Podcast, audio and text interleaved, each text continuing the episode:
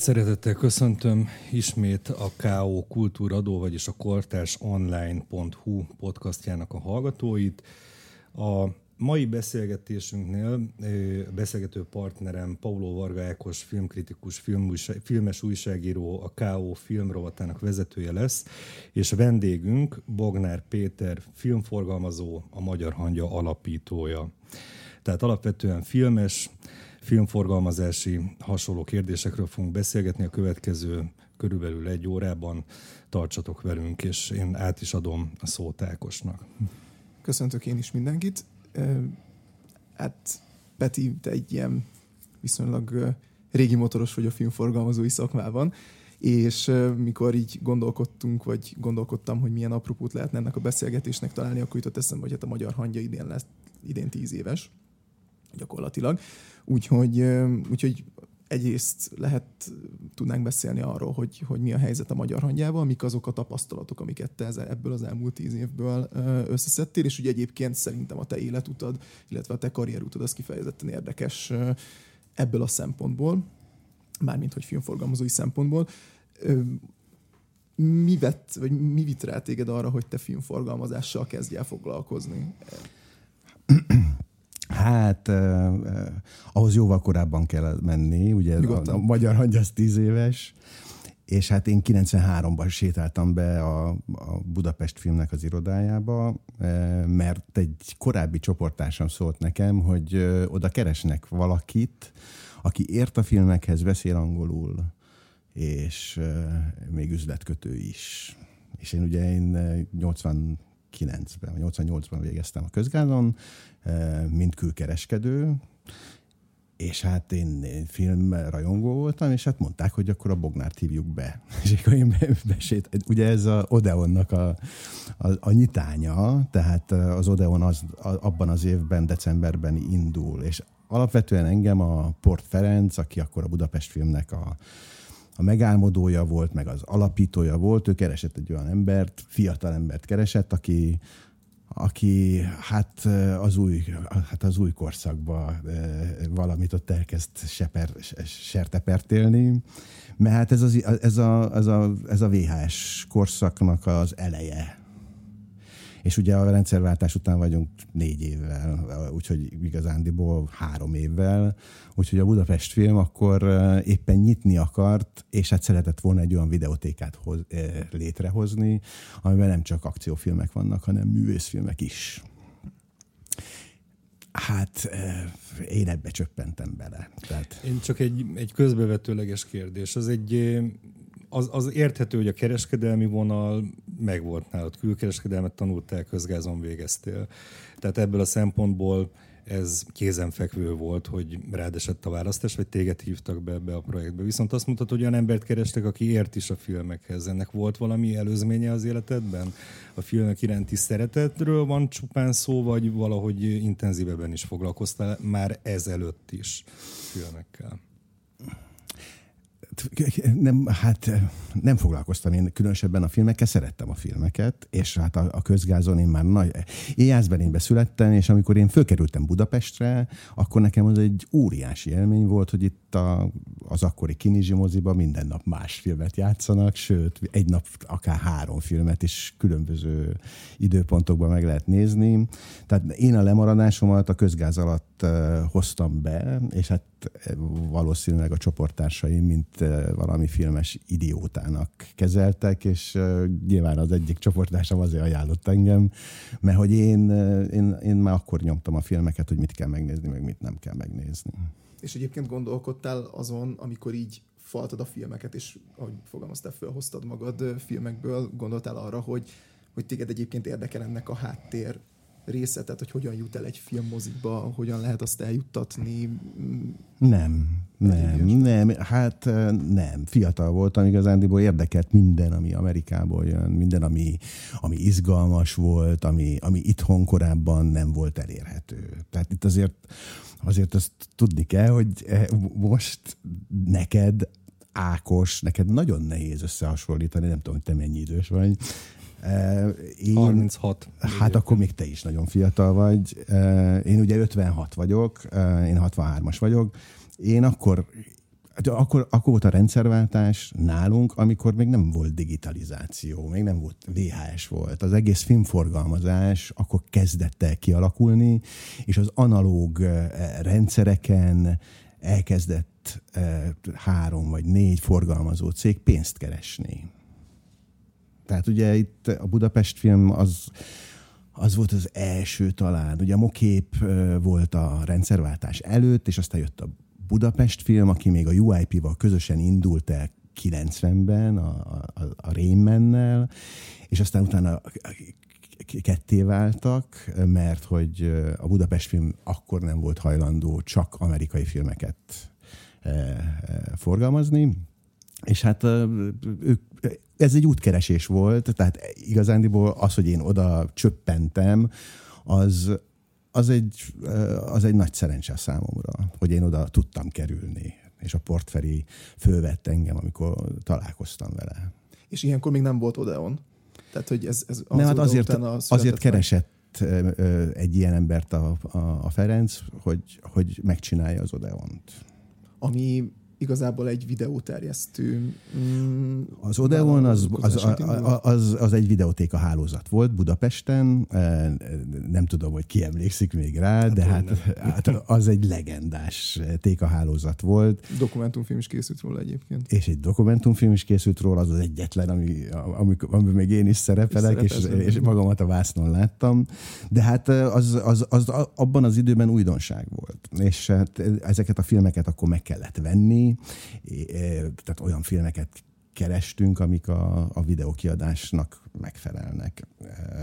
Vagy amit mi akkor éppen elképzeltünk, hogy miket kellene. De hát óriási hiány volt. Tehát én azt akartam az előbb elmondani, hogy, hogy amikor itt, itt a, az analóg történetnek az elején vagyunk, és akkor, akkor gyakorlatilag hát tartalom hiány van az országban, de ahhoz képest, ami most van. Tehát, a, a, Tehát pont az ellenkező kihívással kellett szembenézetek, mint amivel most. Úgy van. Tehát akkor meg kellett kaparintanunk azt, az, azok körül az 50 film közül, amit szerettünk volna, abból tizet kellett megszereznünk. Most meg az van, hogy 500 film van, és abból kellene kiválasztanunk azt a tizet, amelyik, amelyik jó, vagy amelyiket mi jónak gondolunk. Akkor mi tudtuk, hogy mi a jó, mert semmi nem volt elérhető. Tehát amikor mi az Odeont elindítottuk, tehát ez, ez amikor én besétáltam a, a portfelinek az irodájába, az 2000 1993. júliusában volt, és én azon az őszön már elmentem Kámba egy TV filmvásárra, a Mipkomra, és ott megvettem életem első filmjeit. És azok ilyenek voltak, mint a Brazil, ilyenek hmm. voltak, mint a a, a, fú, hát most jönnek a címek, a teljes izé, a teljes Buñuel sorozat, a faszbinderek, és, és így tovább. Tehát azok, amik, amik nem voltak akkor VHS-en elérhetők.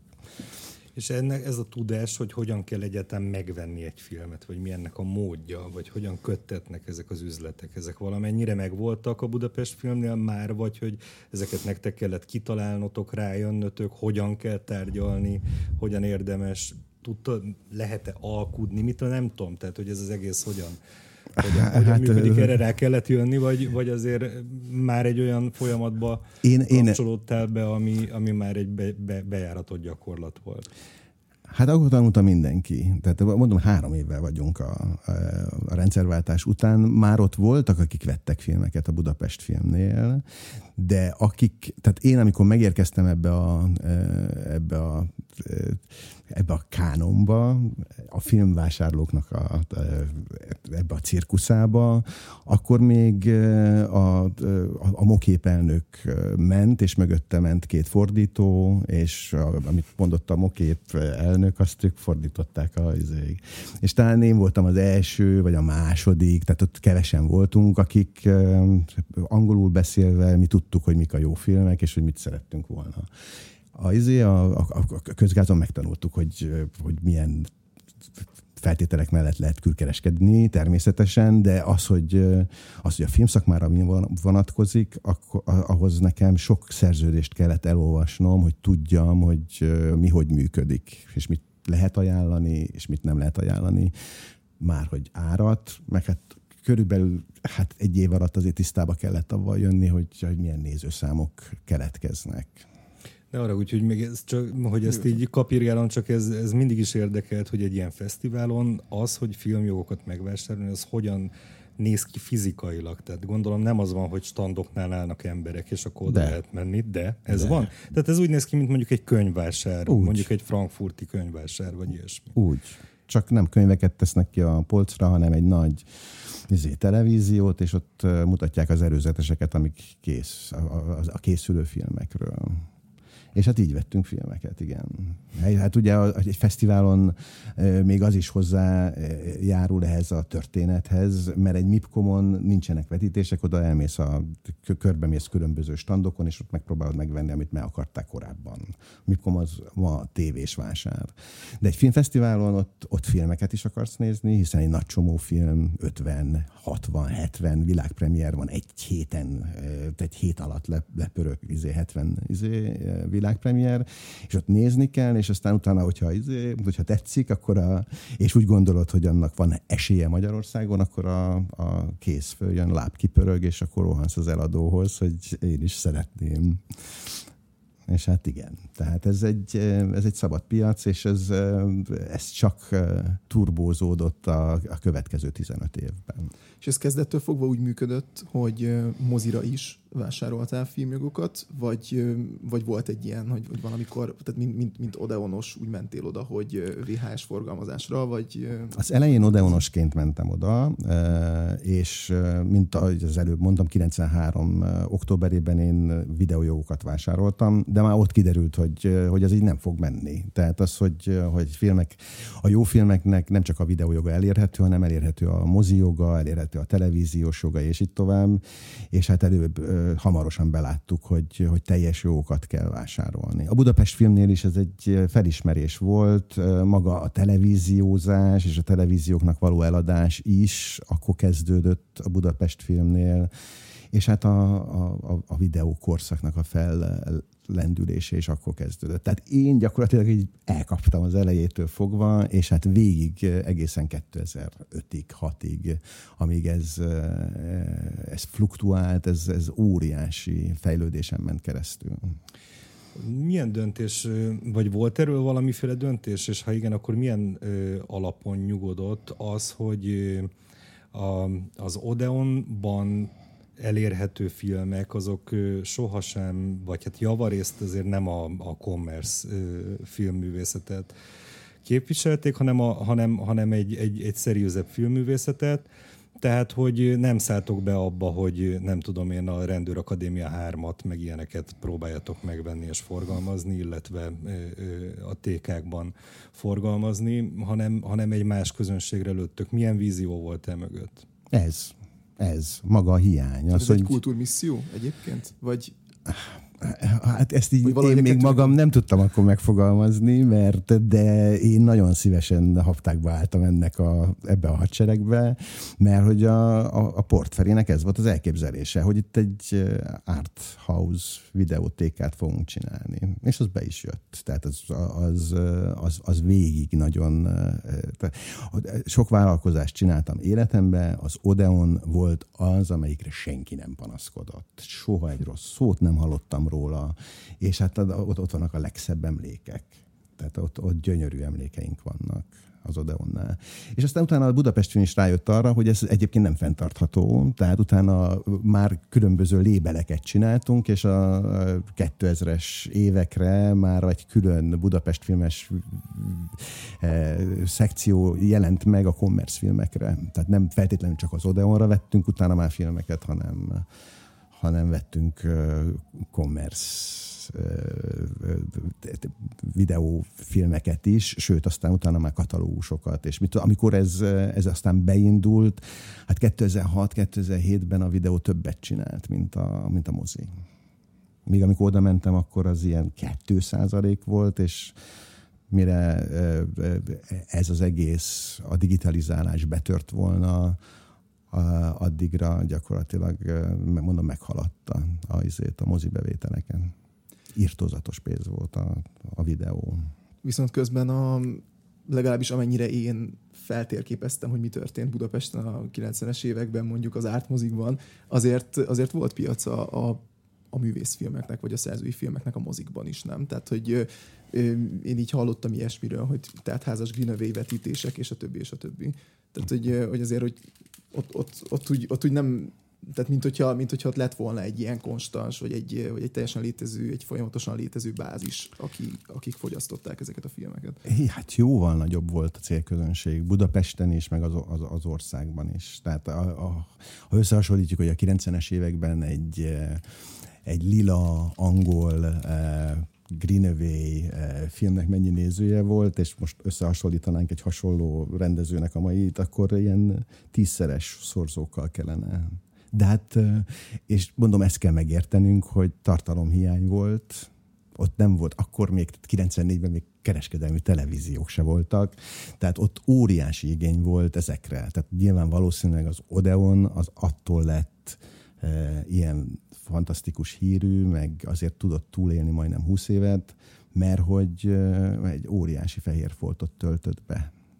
És, és hát ezt az emberek megszerették, és hát Na, mindegy. Szóval ez, a, a, a, az, az egészen, mondom 2006-ig, amíg az internet meg nem jelenik. Tehát igazán addig eh, itt tartalomhiányról beszélünk, és minden olyan jó, nyilván akkor is buktunk meg filmekkel, de, de minden olyan, eh, ami valamennyire jelentett valamit, az abból mi pénzt tudtunk csinálni. Tehát az eh, egészen másmilyen volt a 90-es években gazdálkodni filmekkel, mint ma, amikor jóval kevesebb forrásból tudsz pénzt csinálni. Ugye ma már eh, egy, mindegy, ne, politizálni nem akarok, de hát a televízió nem vesz tőlünk filmeket. Ugye a DVD kihalt, a VOD az, az még gyerekcipőbe jár, de akik már tudnának pénzt csinálni, azok nem érdekli, azokat a platformokat nem érdeklik a, a mi filmjeink.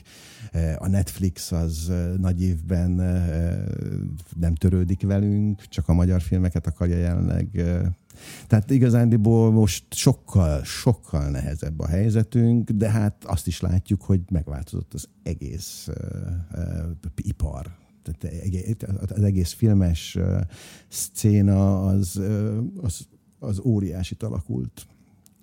Egyébként érdekes, hogy említed a Netflixet, mert nemrég volt egy néhány neves európai rendezőnek egy ilyen közleménye, hogy a, ezek a nagy streaming óriások, akik most főleg a, a koronavírus járvány miatt ilyen eszméletlen jó helyzetbe kerültek, hogy ők így nem tudom, rohasztják a kultúrát, nem fektetnek elég hangsúlyt az európai szerzőfilmre, és a többi, és a többi, és akkor itt ott voltak a, az életre valók rendezői. És bocsánat, és hogy nem adóznak Európában. És hogy nem adóznak, igen, igen, igen. tehát, hogy voltak, ez igen, ez igen. Fontos. Igen, ez, igen, igen, abszolút. És, és akkor a, a, az életre valók rendezői, a Christian Mungiu és így egyéb neves, neves rendezők, ami egyébként nekem azért volt érdekes, mert például a négy hónap, három hét, két nap az fönt van Netflixen vagy azért még vannak román új hullámos filmek, amik fönt vannak. Nem azt mondom, hogy ezek vannak többségben, de hogy mint hogyha egyébként a Netflix erre nyitna. De hogy akkor itt ezek szerint az a probléma, hogy ezeket ezek relatíve kevés emberhez jutnak el, mert hogy, az, mert hogy ugye az algoritmus eset, adott esetben föl se dobja, és magától senkinek nem jut eszébe ezeket nézni. Tehát... Hát, de az, az, én azt hiszem, hogy még ezt most fogjuk megtanulni. Tehát ez, ez egy tíz éves történet, és a, a, én nagyon örülök, hogy a Netflixen lehet látni román filmeket, meg magyar filmeket is lehet látni. Például a papapia is van. A papapia is van. meg hát megnéztem, hogy mi, mi, milyen, milyen premierek vannak izé, júliusban, és hát naponta három de naponta három új filmet tesznek ki. Tehát olyan mértékű cunamia van a tartalomnak, ami, amiben inkább az a nagy probléma, hogy nem tudsz eligazodni rajta, és, és nem tudod kiválogatni azt, amit téged érdekel. És ezt meg kell nekünk tanulni igazán, és a magyar hangyánál is gyakorlatilag próbálunk e, úgy e, evickélni, hogy, e, hogy olyan dolgot csináljunk, aminek van értelme hogyha így megnézem, hogy milyen filmeket mutat be a magyar hangja, és ismervén a, a filmes ízlésedet, olyan, mintha nagyon-nagyon jelentős szempont lenne az egy film forgalmazásánál, hogy te azt személy szerint jónak lásd, értékesnek lásd, Tehát, hogy a, a, a magyar hangyának a, a profilja, az, vagy az alapfilozófiája, az leginkább ez, nem? Tehát, hogy, hogy, hogy nem, nem foglalkoztok olyan filmmel, amit ti egyébként nem szerettek. Bocsánat, csak egy, egy zárója, hogy a, a, úgy szoktál hivatkozni ezekre a filmekre, hogy fontos film. Ezt megfigyeltem interjúkban, amiket olvastam, hallottam tőled, hogy mindig azt mondod, hogy fontos film. Uh-huh. Mi ez a fontos film? Hát a, a, a, egy, egyrészt az Ákosnak a kérdésére azt válaszolom, hogy középszerren nem érdemes foglalkozni. Tehát egyébként az Odeonnál se foglalkoztam rossz filmekkel, és a Budapest filmnél se foglalkoztam rossz filmekkel, de ott kellett venni, hát kellett venni nagyobb commerce filmeket is, hogy tudjuk finanszírozni. A Magyar Hangyánál egy jóval takaréklángon égő vállalatról van szó, amit fenntartható módon szeretnénk üzemelni, és amelyiknek megpróbálunk közösségi alapon, ugye sokan ezt két, két megkérdőjelezik, hogy ez nem közösségi alapú filmforgalom, alkalmazás, én úgy gondolom, hogy az akkor, hogyha bizonyos közösségeket találunk meg, és nekik próbálunk meg eladni filmeket. Tehát annak vége van, és a rendszerváltás után ez 20 évig tartott, mire rájöjjünk, mert a rendszerváltáskor ugye megjelent egy amerikai film, és mindenki megnézte. Ma már e, megjelenik egy amerikai film, biztos, hogy nem fogom megnézni. Azt nézem meg, hogy, hogy ki rendezte, miről szól, és esetleg vannak-e benne olyan színészek, amiket meg akarok nézni. Egyébként az amerikai filmeknek a 80%-át nem nézem meg nem érdekel, mert tudom, hogy ezt már láttam valahol máshol. És a magyar hangja amellett, hogy, hogy egyrészt ezt a kritikai magasságokat szeretnénk folyamatosan tartani, tehát kvázi nem foglalkozunk a középszerrel, és ha már, ha már jó filmekkel foglalkozunk, akkor azt viszont szeretnénk eljutatni a, a, a legtöbb embernek. Mert változatlanul én úgy gondolom, hogy, hogy mi, tehát a, a, a közizlés az óriási romlott az elmúlt húsz évben. Tehát amíg én azt láttam, hogy fiatalok lelkesednek a Fassbinderért a 90-es években az Odeonban, ezt ma nem látom már így és azok, azok a kiemelkedő nem tudom én, gatekeeperek, akiknek mondaniuk kellene, hogy mit kellene csinálni, azok is a Tarantinót nyomják, meg, és nem azokat a, a, a fontos filmeket, amik egyébként meg százával vannak, és nincsenek itthon bemutatva. És ugye mi a Magyar Hangyánál általában próbálunk olyan filmeket kiválasztani, amik egyébként a, a magyar közönségnek mondanak valamit. Nem csak, hogy jó a film, hanem mond is valamit. Tehát a, a politikai berendezkedésünkre, a a, a oda nem figyelésünkre, a passzivitásunkra valamilyen példát minden filmünk mutat. A Scientológia című dokumentumfilmünket pontosan nem a szientológusokkal akartunk elbánni, vagy nem róluk akartuk lehúzni a vizes lepedőt, hanem a, az emberi hiszékenység, meg a, meg a az, hogy hogyan lehet embereket teljesen elbutítani egy bizonyos eszme mentén. Ezt azért gondoltuk fontosnak, és ez nem feltétlenül csak a szientológusokra vonatkozik. De látták szientó- hazai szientológusok a filmet, nem? Há, hogy ne. Sőt, több botrány is volt a film kapcsán. Hát megjelentek, megjelentek különböző vetítéseken a szientológusok, és ott mi, ugye a szientológiát mi úgy, úgy forgalmaztuk, hogy, hogy kiugrott szientológusokkal. Tehát hívtuk az itthoni magyari, Magyarországon létező magas kiugrott szientológusokat, és hát őket beszéltettük. És ezt nyilván a, a hivatalos szientológia egyháznak ez nem tetszett és hát ott több, több helyen is csináltak patániát, hogy ők is meg akarnak szólalni. Egy picit olyan, mint hogyha valahogy minden filmmel határokat keresnétek, akármilyen szempontból. Most nyilván itt a szientológiánál viszonylag egyértelmű ö, dologról van szó, hogy ez az egyház ez egy viszonylag érdekes jelenség, és, és vannak már így a, a közbeszédbe is leszivárgott hírek róla ilyen vagy olyan formában. Mm, de például mit, mit tesztek egy olyan film? Tehát, hogy úgy értettem ezt, hogy, hogy mint hogyha határokat keresnétek, hogy, hogy minden filmnél keres, próbálkoztok valami, valamivel, vagy bizonyos projektek mindig valami más irányt vesznek a magyar hangyánál. hogyan, hogyan, hogyan tudnak ezek kialakulni. Tehát mondjuk gondolok itt a, a cinema nisre, vagy a scope vagy akár csak az, hogy hogyan nyúltok hozzá például egy új Pablo Larraín filmhez. Én többször mondtam, hogy a Magyar Hangya arra alakult, hogy különböző forgalmazási módszereket e, tapasztaljunk meg, e, és próbáljuk e, a magas kultúrát eljuttatni a lehető leghatékonyabb módon a célközönségüknek, a célközönségükhöz. És ezek, ezek, ezek nagyon könnyű ezeket szóba önteni, de, de megtalálni a megfelelő csatornákat az annál sokkal nehezebb. És hát amit mondtál, hogy a Scope, vagy a, vagy a Niche sorozat, az, az mind-mind más-más rendszer volt, kipróbált történet, és van amelyeknek jó vége lett, van amelyeknek meg kevésbé lett jó vége. Illetve hát egyiknek se lett rossz vége végül is, a nést végül is folytatni akarjuk, csak meg akartuk mutatni a, a példán, hogy, hogy igen, vannak Magyarországon olyan mesterművek, amiket egyszerűen senki nem forgalmazott.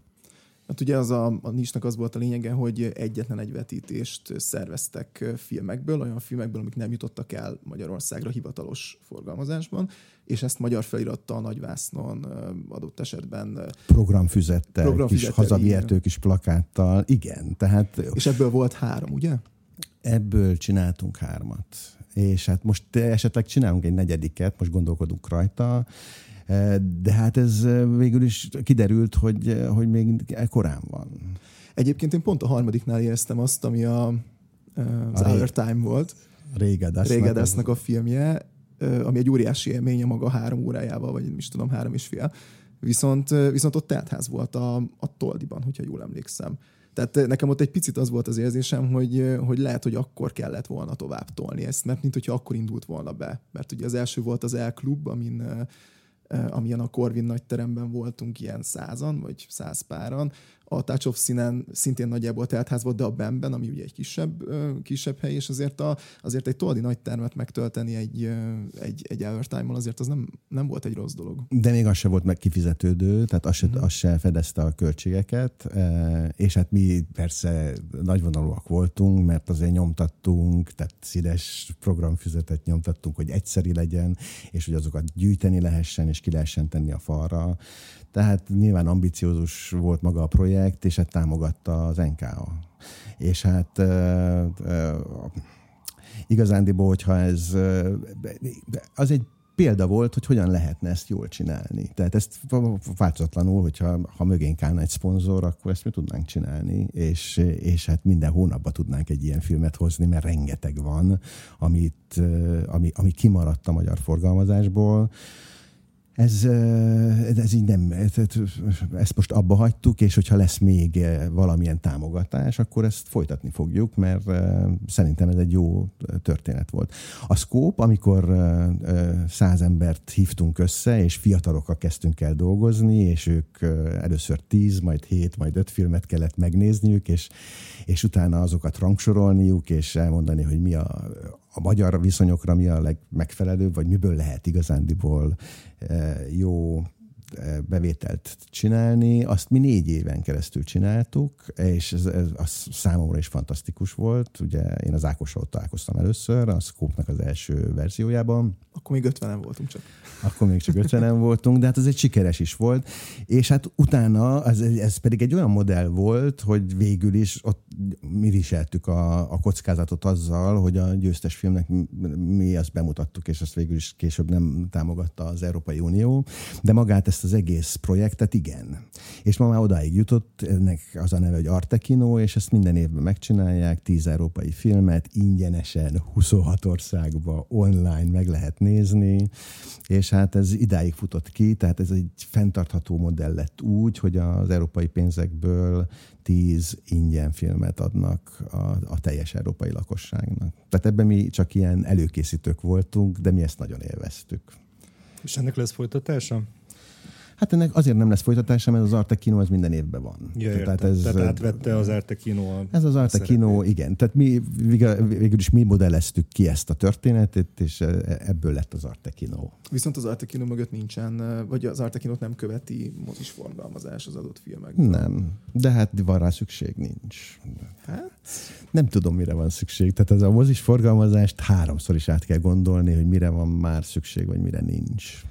Tehát azt gondolod, hogy mondjuk ma Magyarországon túl kínálat van mozi, mozikban látható filmekből, vagy, vagy nincs, tehát hogy nincs egy ilyen, nincs egy ilyen koncentrált Magyarországon túlkínálat van a, a, az Europuding szappanoperákból egymásra hasonlító romantikus komédiák szorítják ki egymást a, a magyar termekből, és, és a mi filmjeink azok gyakorlatilag nem most, de általában a mozikban délelőtt vagy kora délután játszódnak, mert mi nem tudunk akkora nézőszámot ígérni a, a moziknak.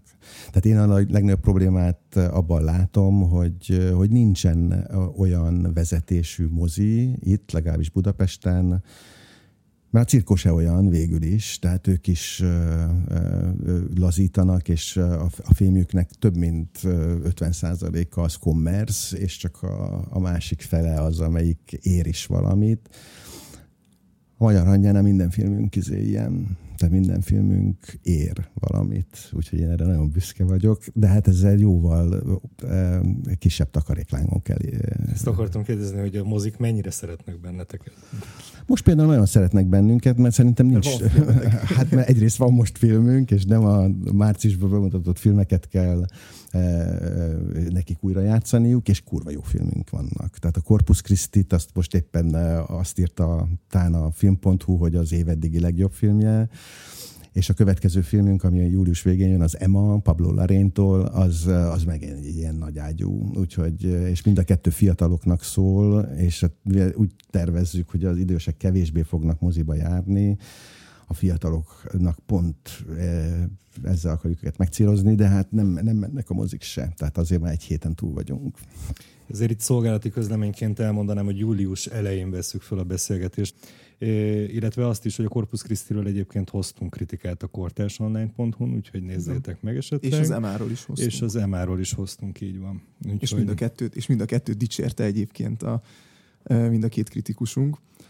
Egyébként főleg az EMA talán az, ami, amivel, amivel szerintem nagyon hatékonyan meg lehet szólítani akár a, azt a generációt is, aki már Netflixen szocializálódik, vagy ezeken a szegmentáltabb sok epizódos valamiken, mert hogy azért ott, ott, ott van egy ilyen nagyon-nagyon kiszámíthatatlan és ilyen érdekesen hömpölygő narratíva, nem beszélve az gyakorlatilag a full videoklip betétekről, amiket, amiket betett a filmbe a Pablo Larraín, úgyhogy Hát mi azért választottuk a Pablo Larraín, mert egyrészt imádjuk, tehát azért ő, ő egy olyan... Nem először választottad? Nem, el, volt már egy korábbi filmje is egyébként, de hát ugye a Nist is vele indítottuk. Én őt tartom a világ, hát a, a, a legjobb háromba benne van.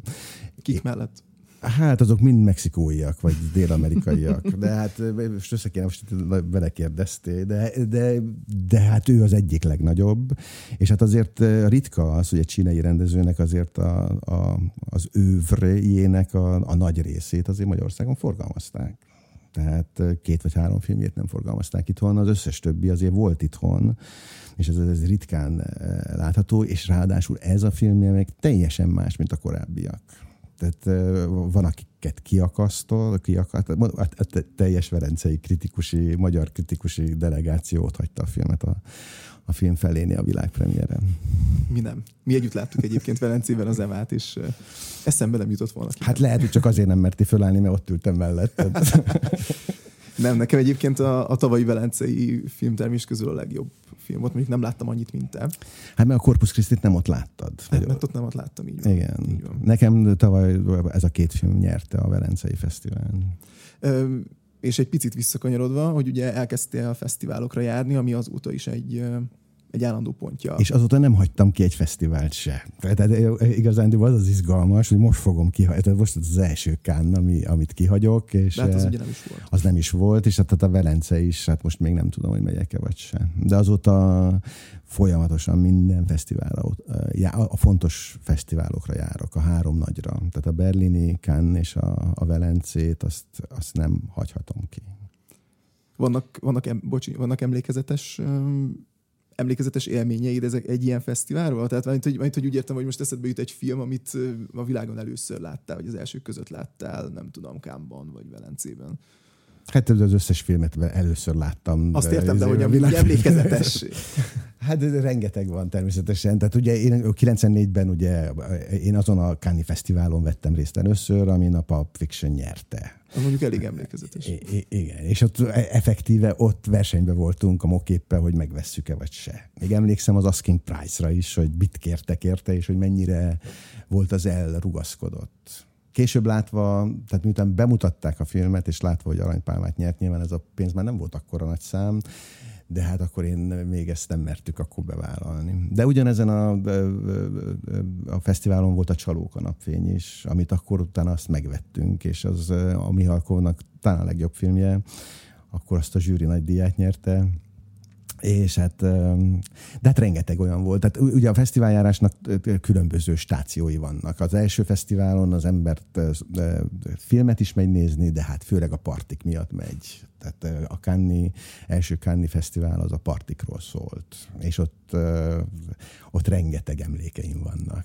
És minél idősebb lesz az ember, és minél unalmasabbá válik számára az a cirkusz, amelyik ott körüllengi ezt a történetet, annál kevésbé jár már partikra, és annál inkább próbál koncentrálni azokra a filmekre, hogy mindent lásson, amit csak lehetséges. Tehát a, a tavalyi Cannes Fesztiválon én már nem voltam partin, már nem ettem libamájat és pesgőt és epret, meg különböző dolgokat, és nem, nem, talál, és, és nem találkoztam Francis Ford Coppolával, és nincsenek közös képeim, mit tudom én, Uma Thurmannel, Viszont láttam, amit akartam, és, és ez ma már ez a fontosabb, hogy ki is tudjad aludni magad, mert hát ugye 8.30-kor kezdődnek reggel a vetítések Kámban, és hát éjfél után érsz haza. Hány filmet lehet letolni egy nap? Én, én ezt meg kell szokni, 5-6-ot, 5-6-ba maximálom, amit föl tudok dolgozni. Azért azt, azt nehéz kirenderelni, tehát hogy érzelmileg. Hát megvan mindenkinek a maga módszere, hogy hogyan nem, nem alszik el, és hogyan tudja később is ezeket a filmeket értékelni. Nekem is megvan ma már, hogy hogyan tudom ezeket elraktárolni saját magamba. De igazán az a legfontosabb, hogy, hogy fizikailag bírja az ember egy, egy fesztivált, mert Berlinben ott voltam, és ott is láttam 50 filmet, úgyhogy és, most már, most már azért nincs rajtad az a nyomás, ami mondjuk a, az odeonos időkben gondolom, hogy, hogy, ott, hogy ott ugye nagyon kellett arra figyelned, hogy, hogy melyik filmet hozott be forgalmazásra, vagy melyiket nem. Ugyanúgy nézel ma is egy fesztiválon filmet? Tehát, hogy... Nem, sokkal nyugodtabb vagyok. Ne, de, de az sokkal bonyolultabb volt. Egyrészt a Budapest filmnél hárman voltunk, akik vettek filmeket, és föl kellett osztani, és ott nem csak az készfilmeket vettük meg, hanem elővettünk. Tehát a Budapest film az Almodóvároknak, a Lars von Triereknek, az összes ilyen nagy, a Greenaway, Hal Hartley, rengeteg ilyen sorozatot csinált, és ott ezeket úgy kell megvenni, ezeket a filmeket, hogy még nem készültek el. Ma már nem veszek olyan filmet, hogy elő, tehát a, kész, a készülés időpontjában ha valaki ezt kockáztatja a pénzét, akkor azt megveheti. Én csak készfilmeket nézek, és már nem is nagyon tárgyalok. Tehát a, nekem a, a, a, a fesztivál szerepléseinknek az első 10-15 évében az arról szólt, hogy, hogy filmet nézni és tárgyalni, és, és ott nagyon, hát az, az, ez egy nagyon fizikailag leterhelő történet egy, egy ilyen fesztivált végigcsinálni, főleg, hogyha tényleg sok múlik rajta. Tehát a legnagyobb csomagokat azt, azt ezeken a fesztiválokon vesszük meg. És hát nagyon sok nagy csomagot vettem olyan cégektől, akik ma már nem is poligram, meg ilyen nagy cégektől, amik ma már nem is léteznek. Én egy gondolat elég visszatérnék még a fontos film témaköréhez.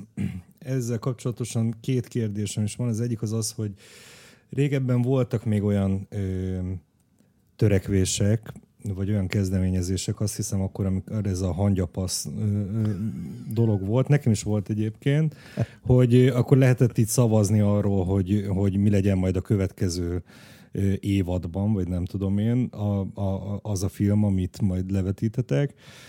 Illetve hát a Scope is végsősorban egy ilyen szavazásos dolog, hogy ott is az öt filmből lehet hármat, vagy lehetett hármat választani, és akkor az talán az első lett bemutatva a moziban, nem tudom pontosan, hogy, hogy volt a sztori mert abban volt, nekem nem volt alkalmam részt venni, de hogy a közönség részt vett abban, hogy eldöntse, hogy mit szeretne látni. És a Magyar Hangyának az indulásakor ez az ilyen közösségi moziforgalmazás, mint kifejezés, eleve akkor született meg, vagy honosodott meg a, a, a magyar szintéren, hogy, hogy ebbe tényleg volt egy ilyen elem, hogy, hogy a, a közönség is ebbe, ebbe valamilyen módon bele van vonva. Most én ezt nem annyira érzékelem, ezt a mozzanatot a, a magyar hangjában, úgyhogy egész konkrétan arra vagyok kíváncsi, hogy konkrétan te döntesz arról, hogy mi az, amit, amit műsorra tűztök, vagy forgalmaztok, vagy meg, meg, megvásároljátok a jogait, vagy, vagy van valamiféle vének tanácsa, vagy valami egyéb ilyen, egy ilyen fórum, ahol megvitatjátok. Hárman vagyunk jelenleg, mm. akik teljes állásban dolgozunk a Magyar Hangyánál, és van egy kosarunk, amiben rákcsáljuk ezeket a filmeket. És hát én olyan filmeket nem akarunk forgalmazni, a kollégáimra nem akarok olyat ráerőltetni, amit ők nem szeretnek a filmeket én veszem, tehát én változatlanul én vagyok az, aki, a, aki leszerződik a, a, a filmekre, de, de most is rágunk öt vagy hat filmet, amin most nem tudjuk, hogy most melyik legyen. Sok van. Tehát az a fantasztikus ebben a történetben, hogy hogy a, a, a más forgalmazók által ott hagyott remek művek egyszerűen sorba állnak, és hát nem tudjuk, hogy most ezzel kezdjük-e, vagy azzal kezdjük-e, és hogy melyiknek lenne nagyobb értelme, melyiknek lehet megfogni azt a, a közönség részét, akit föl tudnánk használni arra, hogy tovább terjesszék a filmet. Mint ahogy most ugye az EMA esetében a e két táncos csoportosulással vettük fel a kapcsolatot, az egyik a Villany Leo, a másik pedig a Duda Éva társulat, akik akik táncolni fognak most az első vetítésen, és mi azt gondoljuk, hogy ők tudják a táncosoknak a legjobban eladni a filmet.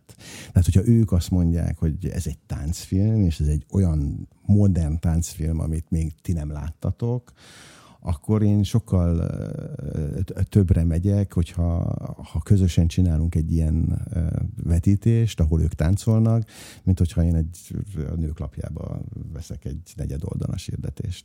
Ez tulajdonképpen nem is filmforgalmazás, amit ti csináltok.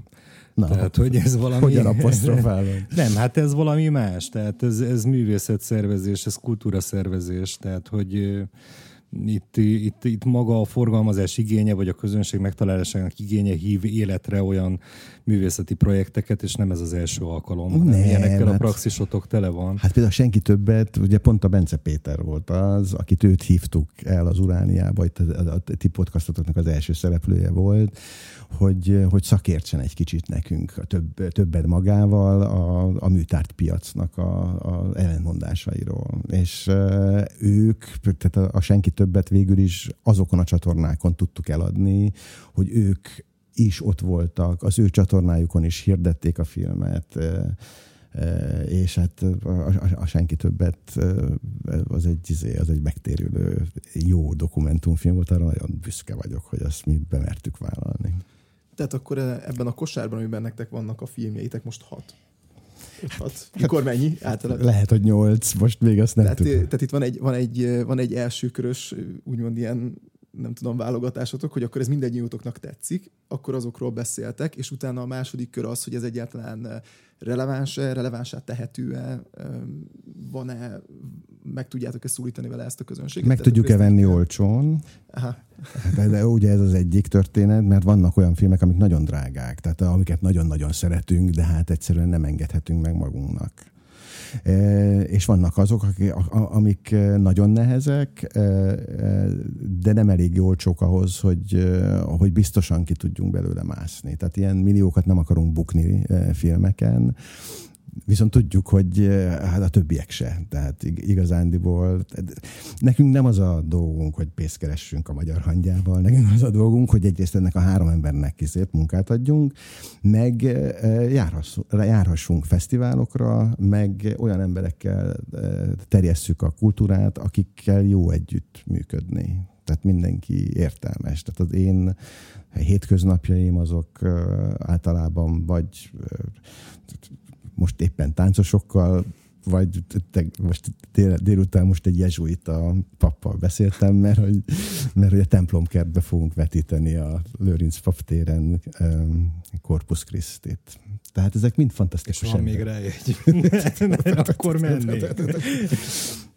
Szóval ez, ez, ez, ez fantasztikus. Tehát amikor mi a Vivian Meyert vagy a Mapletorp című filmeket forgalmaztuk, akkor a fotós történetet vettük elő, és akkor fősorakozott a Kápa Center, fősorakozott a Mai Manóház, és hát ötlet halmazok jöttek, hogy akkor hogy lehet Vivian Meyert megismertetni a magyar nézőkkel, és akkor na, ez hat évvel ezelőtt volt, és akkor minden kávéházba beállítottunk egy flat screen televíziót, és mentek rajta Vivian Meyernek ezek a képei.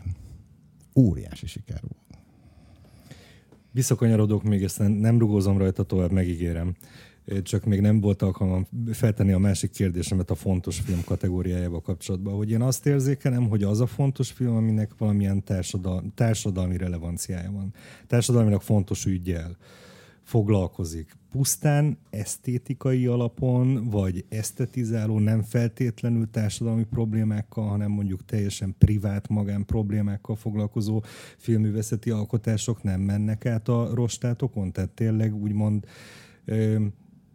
tehát ezt a fajta művészeteszményt ö, tartjátok ö, fontosnak? Hát, figyelj, a, a Lady Macbeth című film az végül is mond valamit a, izéről, a, a társadalomnak. Nekem az, Valamennyi. En, en, en, nem De nem azon van a fókusz talán. De hát én, nekem az ragadott meg benne, hogy én azt szeret, egyrészt engem az ragadott meg, hogy van ez a Florence Pugh nevezetű nő, aki ott fel, felbukkant a habokból, és hát valami olyat rittyentett a vászonra, hogy, hogy egyszerűen izé, hát kicsordultak a könnyeim.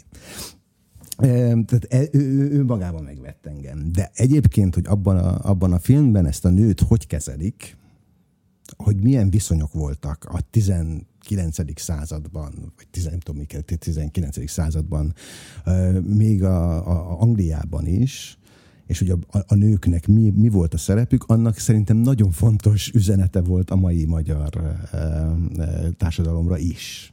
És amikor például a Lady Macbethet e, e, akartuk e, egy kicsit izé terjeszteni, akkor ilyen paprika kingákat, meg ilyeneket hívtunk, akik éppen a női a girl power-t próbálták egy kicsit izé, mozgósítani a film kapcsán itt nem feltétlenül a társadalmi beágyazottsága volt a lényeges a filmnek, de hát, vagy például a, a gyújtogatók, az, az, annak milyen annak milyen Magyarországra vonatkozó hatása van, viszont abban az az óriási parabola volt az, ami, ami engem el, elvitt egy olyan irányba, hogy hát ilyet nem lehet máshol látni, hogy valaki egy egy, egy, egy, korai rendező így tud beszélni a, az idősek, illetve a gazdagok és a szegények közötti feszültségről.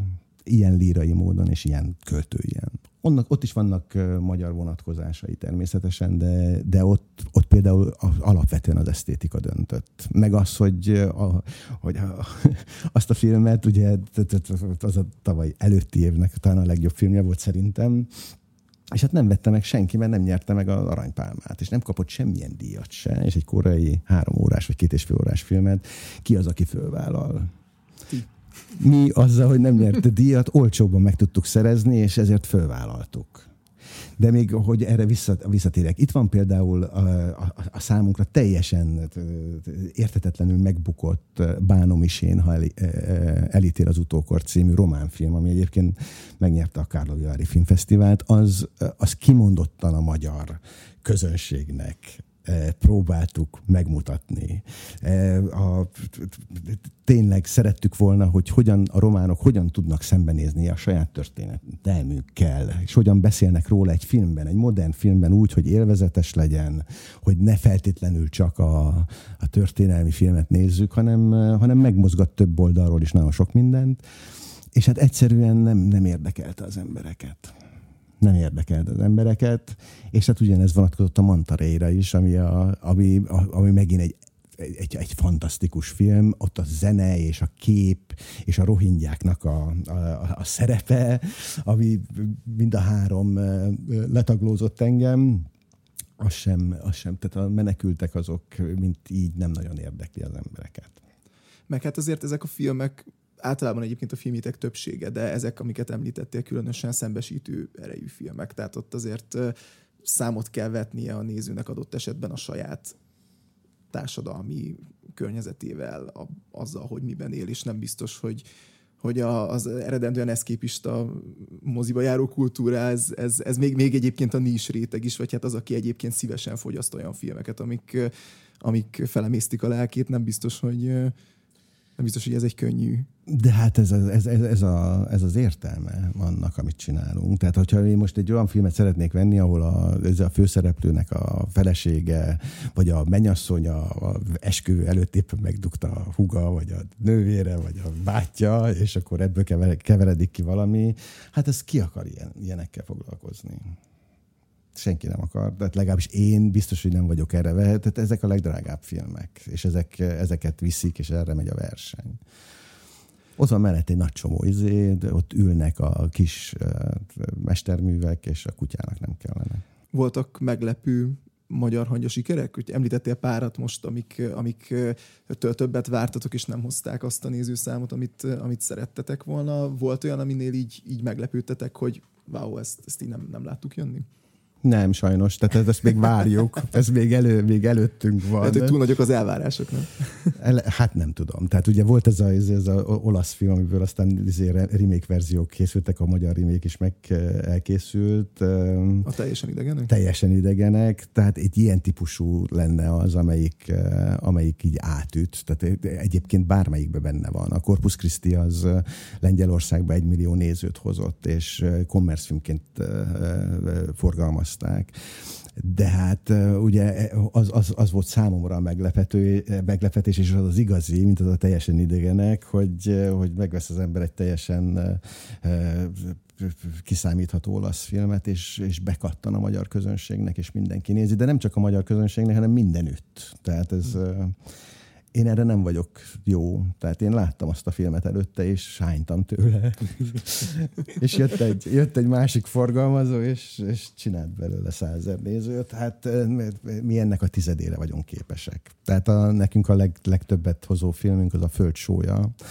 Ez a fekete-fehér dokumentumfilm Sebastián Salgado-ról.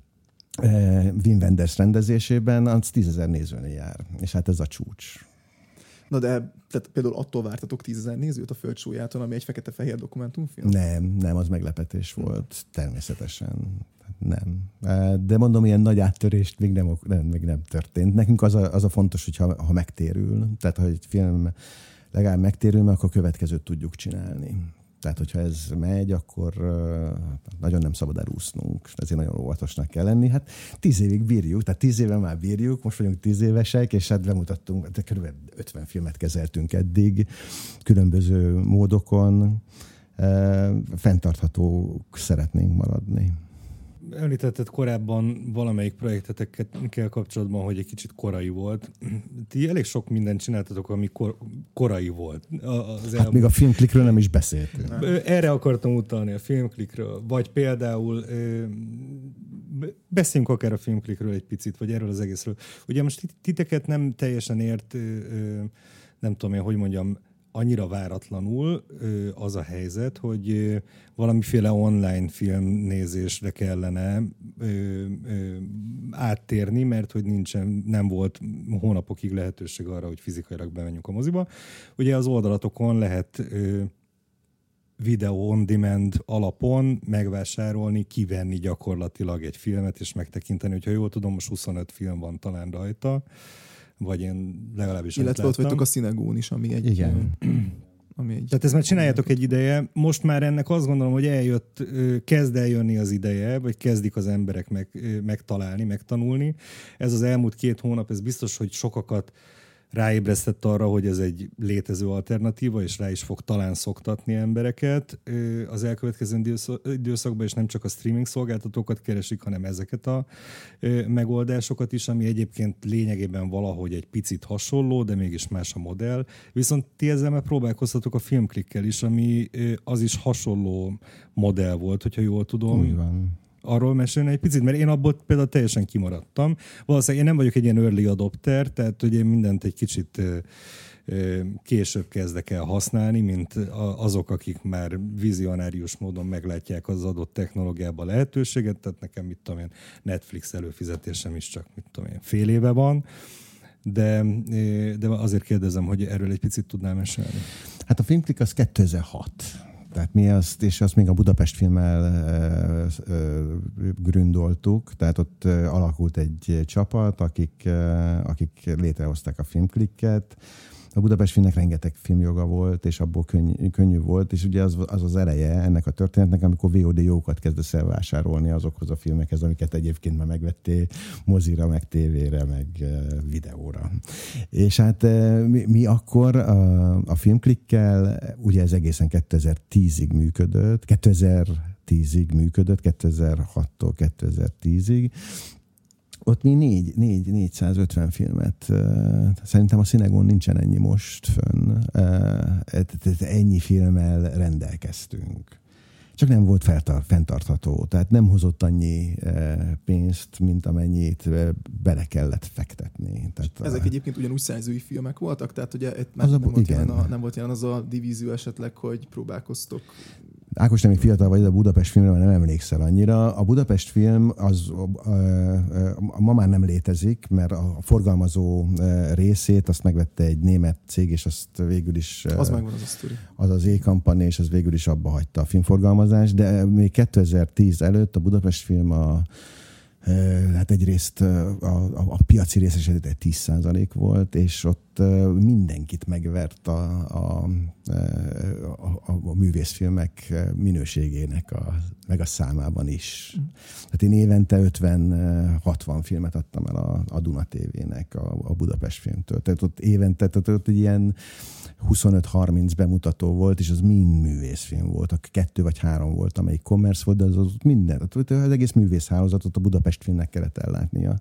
És hát rengeteg jogunk volt, úgyhogy ez eh, még adódott is, de hát korán jöttünk. Tehát nem, nem volt elég. Tehát 2006-ban még nem akart senki se VOD jogokat fogyasztani, vagy, vagy interneten eh, filmet nézni. Technológiailag egyébként már alkalmas volt rá a környezet? Tehát ilyen sávszélesség meg ilyen tekintetben? E, igen. Hát nyilván nem annyira, mint most, de, de hát akkor már lehetett látni, olyan lejátszóink voltak, amik ezt bírták. Tehát, de ez egy óriási beruházás lehetett akkor lefejleszteni egy ilyen portált, meg ennek az egész. Hát igen, igen. igen. És ezt külön kellett még külön szakemberekkel kellett ezeket, ennek a háttér részét megcsinálni, meg a maga a fizetős modell, moduloknak a lefejlesztése, bankokkal szerződni, ez egy, ez egy borzasztó nehéz. Bő, bő tíz évvel megelőztétek a, a, a, a és hát most, hogyha most, és ugye vannak meg. ilyen ma már, nem tudom, a Mubi-t ismeritek el, a, a, a, a Mubi az, annak gyakorlatilag 30 filmje van, tehát csak mindig változó, és naponta egy-egy filmet hoznak be, az ugyanaz, mint ami mik voltunk, de hát az egy eh, sokkal uh, lazább modell, könnyebb így fenntartani, és hát ez, ez például nagyon tetszik, hogy a Mubi... egész Európára. Egész világra van. Tényleg? A Mubiban az a fantasztikus, hogy... hogy Én azt hittem, hogy ez régió specifikus, vagy legalábbis, mint hogyha nem olyan rég az lett volna.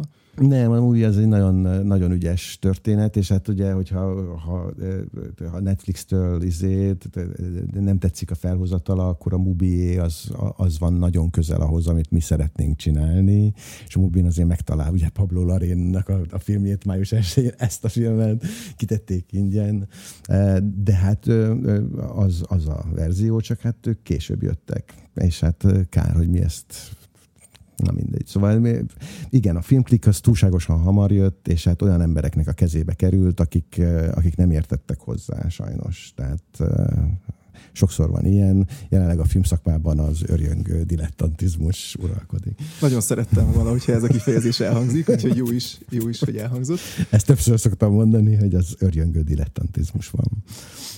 És a, a Szinegóval kapcsolatban ugye azért már fut a platform egy másfél hónapja talán, vagy valahogy úgy. Mik a tapasztalatok? Ugye ebben több forgalmazó is benne van, a, a független jellemzően művész filmforgalmazók, és most már azért kerülnek fel olyan filmek is, amik amik vagy nagyon közel vannak a premierhez, vagy, vagy mondjuk eddig ritkaság. Hát a békeidőre gondolok itt például, ami oké, okay, hogy online premier volt, de az a Vimeo-ban is, ez meg egy, ez meg egy másik platformon. Tehát, hogy illetve, mint hogyha ilyen nem tudom, tehát picit, mint hogyha időben is kezdenek kitolódni, tehát hogy régebbi filmek is kerülnek föl, ritkább, vagy ritkaságnak számító filmek is kerülnek föl, mi, mik, a, mik, mik az első tapasztalatok? Hát ugye mi kezdeményezői voltunk, tehát én már régóta szekáltam a mozinetet, hogy ezt csinálni kéne, és én nagyon meglepődtem, amikor a Berlini Fesztivál előtt ők mondták, hogy ők már itt igazándiból léptek is, és hogy és mi e, e, elsőként adtuk a filmjeinket, tehát mi ott voltunk, és támogatjuk. Én minden ilyenben nagyon támogató vagyok, mert eh, hogyha jó filmeket tudunk eh, közvetíteni, és azt még valaki jó is csinálja, akkor azt, eh, azt én nagyon tudom értékelni, remélem jól fogják csinálni. Változatlanul szerintem az a legnagyobb probléma itt, ott is, meg mindenütt máshol is, akár a Netflixen is, hogy nem tudod, hogy, mi a, hogy mit kell megnézni fogalmad nincsen. És ezért még tanástalanok vagyunk ma is. Valamennyien tanuljuk ezt, a, ezt, hogy hogyan fogunk az internet korában hozzáférni tartalmakhoz, és hogyan lehet azt megoldani, hogy ne pazarold el az idődet olyan dolgokra, amik, amikre fölösleges. Igen, mert a Magyar Hangja esetében maga a brand, amit fölépítettetek tíz év alatt, meg a ti személyetek, az hitelesíti a projektet, tehát tudja az ember, hogy ti már előnéztetek nekünk, nem tudom én, 500 filmet, tehát hogy nekem már nem kell 70 rosszat megnézni. De, de ettől a... még a bánom is én, ha elítél az utókornak, csak 710 nézője volt és ezzel nem vagyunk beljebb. Az lenne az igazi, hogy ez a tíz év arra elég lenne, hogy három ezer ember azt mondaná, hogy na, akkor én minden magyar hangyafilmet megnézek, mert ezeknek jó az ízlésük. Hát ez lenne a lényege. Ezt, ezt próbáljuk építeni.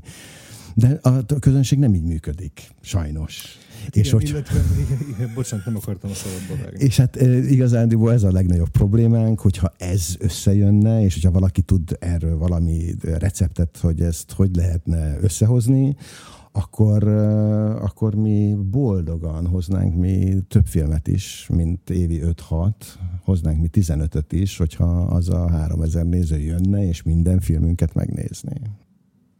Hát én már évek óta mondom neked, ugye te készítesz negyedévenként egy, egy összesítést az általad látott filmekből, és ezek általában 150-200-as listák, azt hiszem az év végére 200 szokott összejönni és te ezt többször is elmondtad már, hogy ezt így általában az ismerőseidnek osztod meg, vagy, vagy csak így megosztod a Facebook oldaladon, vagy Twitteren, vagy ilyesmi.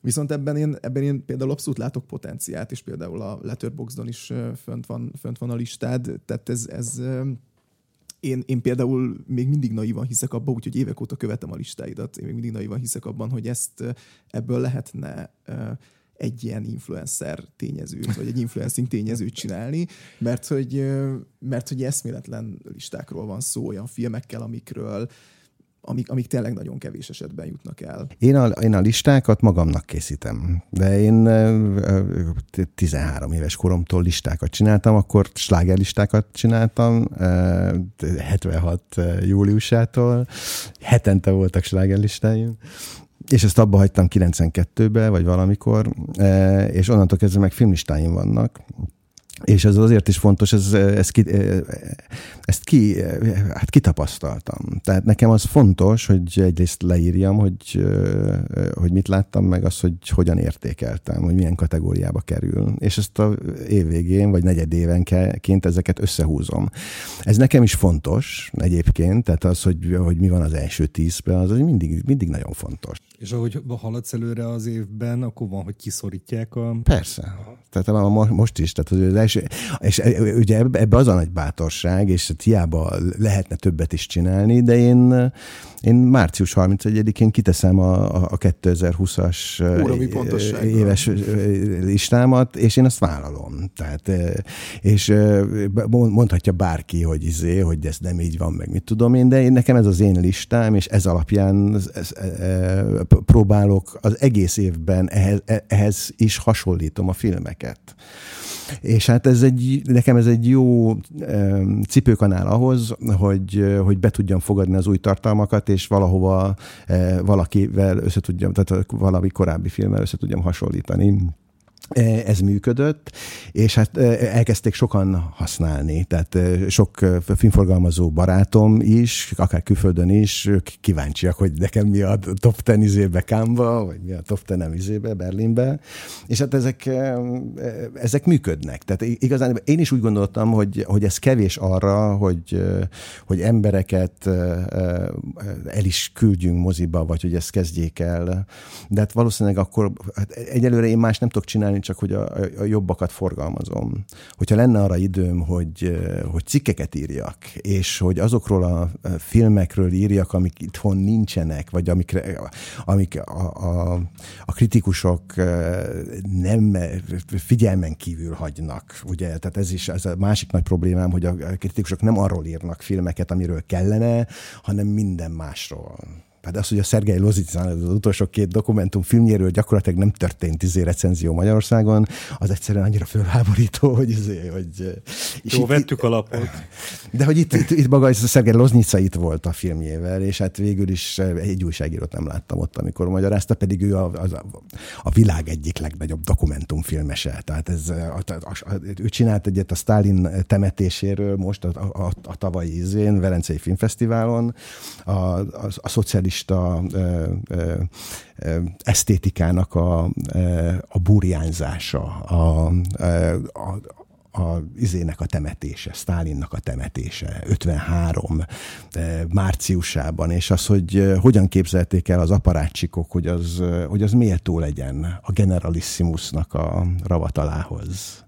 Tehát azt a barokkot, amit ott lehet látni, azt a, azokat a beszédeket, azokat, hát ez az valami fantasztikus. Tehát, és, és hát a, a Loznyicának meg az előző filmje, az meg az 1931-es első ipari pernek a, a, a digitálisan felújított, a, a hangját is felújított verziója.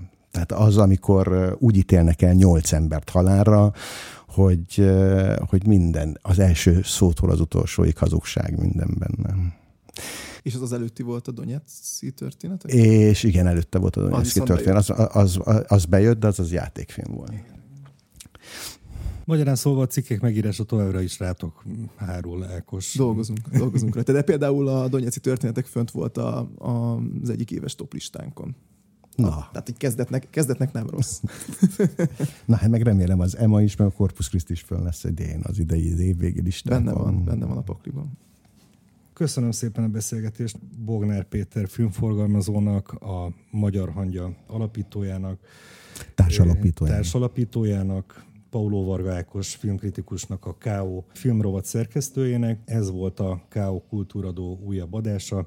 Keresetek bennünket a Spotify-on, iTunes-on, értékeljetek is minket, hogyha van kedvetek hozzá, és természetesen nézzétek a K.O.-t, a kortársonline.hu-t is. Köszönjük szépen a figyelmeteket, minden jót! Köszönjük! Köszönjük! Thank you.